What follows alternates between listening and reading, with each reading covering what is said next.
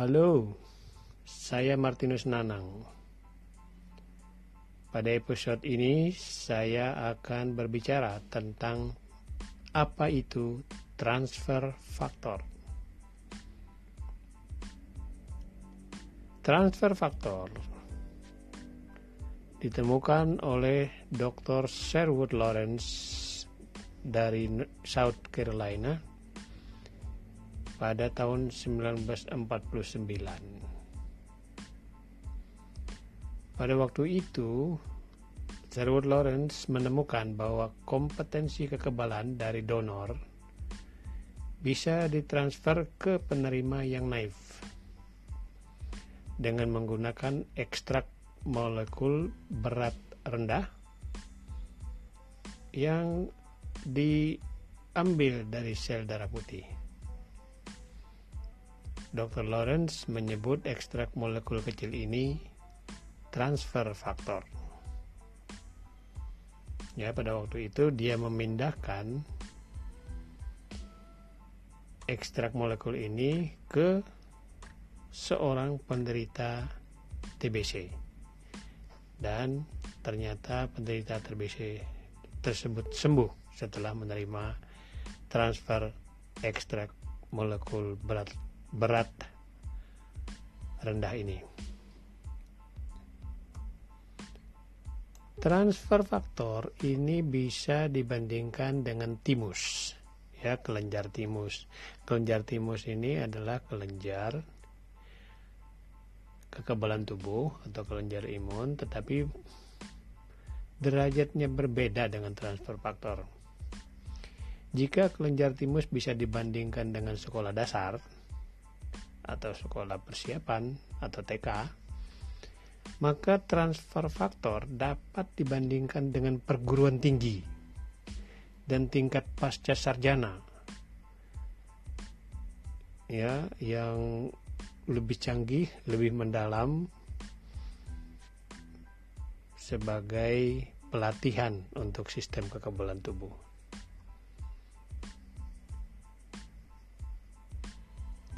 Para ilmuwan kemudian menemukan bahwa transfer faktor ini secara universal, efektif, universal. Artinya berlaku di mana-mana tanpa pilih-pilih. Transfer faktor secara universal efektif. Terlepas dari perbedaan antara spesies donor dan penerima dari orang tua ke anak, dari binatang ke manusia, dan seterusnya.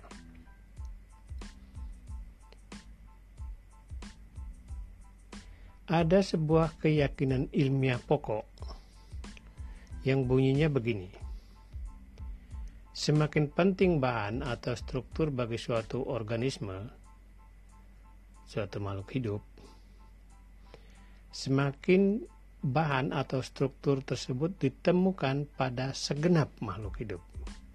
Artinya, bahan yang paling penting untuk hidup ditemukan dalam setiap makhluk hidup. Dan itu adalah transfer faktor.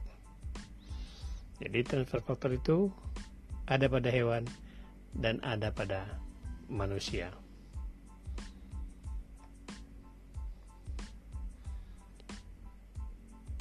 Transfer faktor adalah komponen penting dari bahan atau dari sistem imun yang paling primitif. Prinsip dasar dari sistem kekebalan tubuh adalah bahwa sistem imun harus mampu merespon dengan cepat dan spesifik. Sembari tidak merugikan dirinya sendiri dengan bereaksi berlebihan dan menyerang jaringan tubuh yang normal. Nah, yang terakhir ini kalau sistem imun berlebihan dia menyebabkan kita menderita alergi dan penyakit-penyakit autoimun.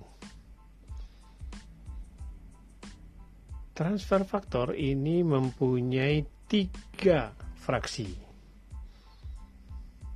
Ya, tiga fraksi atau tiga kelompok fungsi.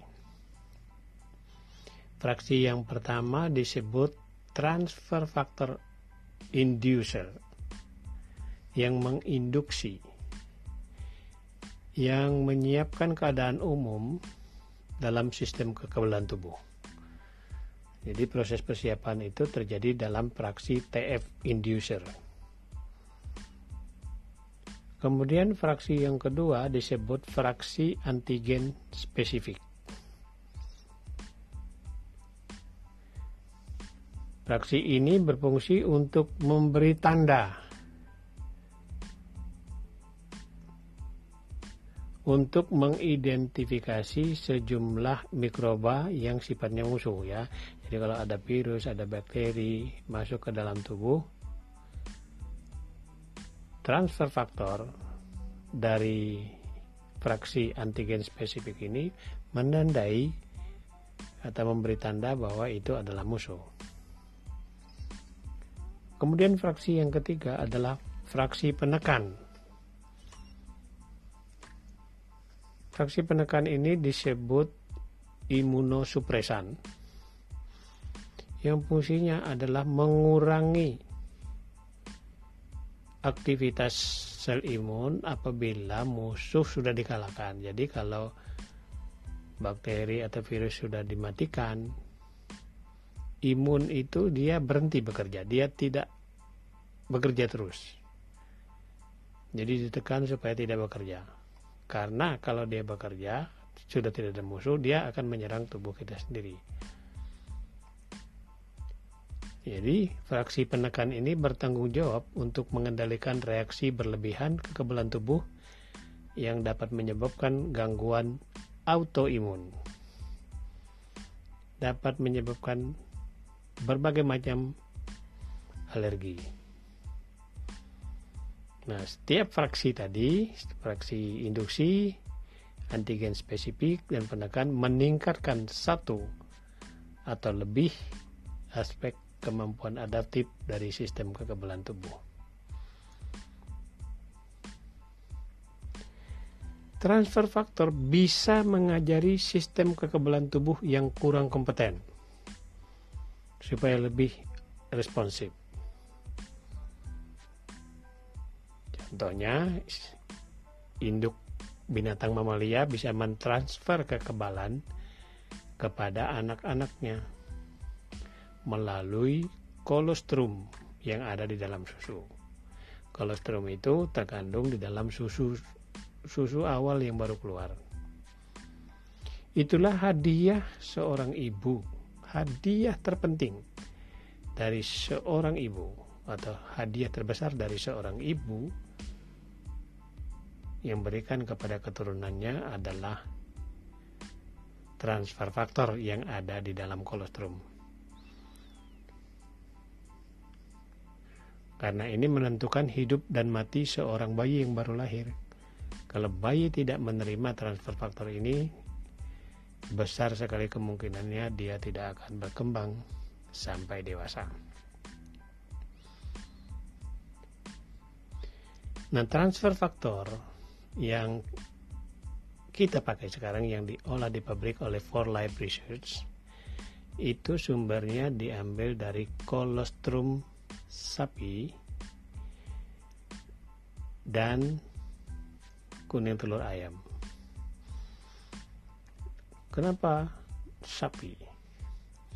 Sapi perah modern selalu berkontak dengan mikroba di lingkungannya.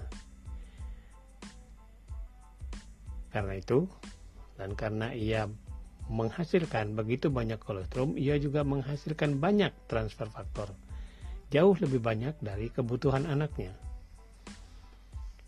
Nah, memanen kelebihan kolostrum dan mengisolasi transfer faktor memberi sumber, memberikan sumber yang berlimpah dan ber, bermanfaat untuk konsumsi manusia. Nah, orang bilang kalau minum susu itu bisa menyebabkan alergi. Tetapi transfer faktor tidak bisa menyebabkan alergi tidak bisa menimbulkan alergi karena transfer faktor itu sifatnya non alergenik Tidak seperti antibodi yang molekulnya besar, transfer faktor itu molekulnya sangat kecil. Nah, ukuran yang kecil itulah yang membuatnya non alergenik atau tidak menimbulkan alergi. Sementara antibodi habis hilang ketika melekat pada sel penyerang atau pada protein. Sebaliknya transfer faktor menjalankan peran yang berbeda. Transfer faktor, transfer faktor adalah molekul pengirim pesan dia mengirim pesan atau disebut immune messenger molecules. Pesan apa? Pesan yang mendidik dan memberi peringatan kepada sel-sel imun yang bodoh yang tidak bisa membedakan musuh dan kawan.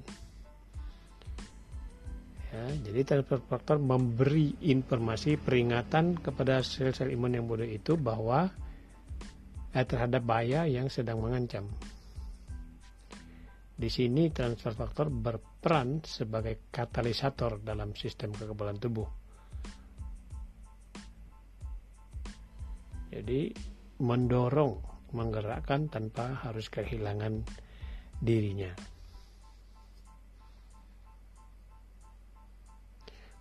Pada zaman penemuan pertama, transfer faktor itu dipindahkan atau ditransfer ke resipien ke penerima dengan cara disuntik. Tetapi sekarang transfer faktor ini sudah tersedia dalam bentuk kapsul yang mudah untuk dikonsumsi.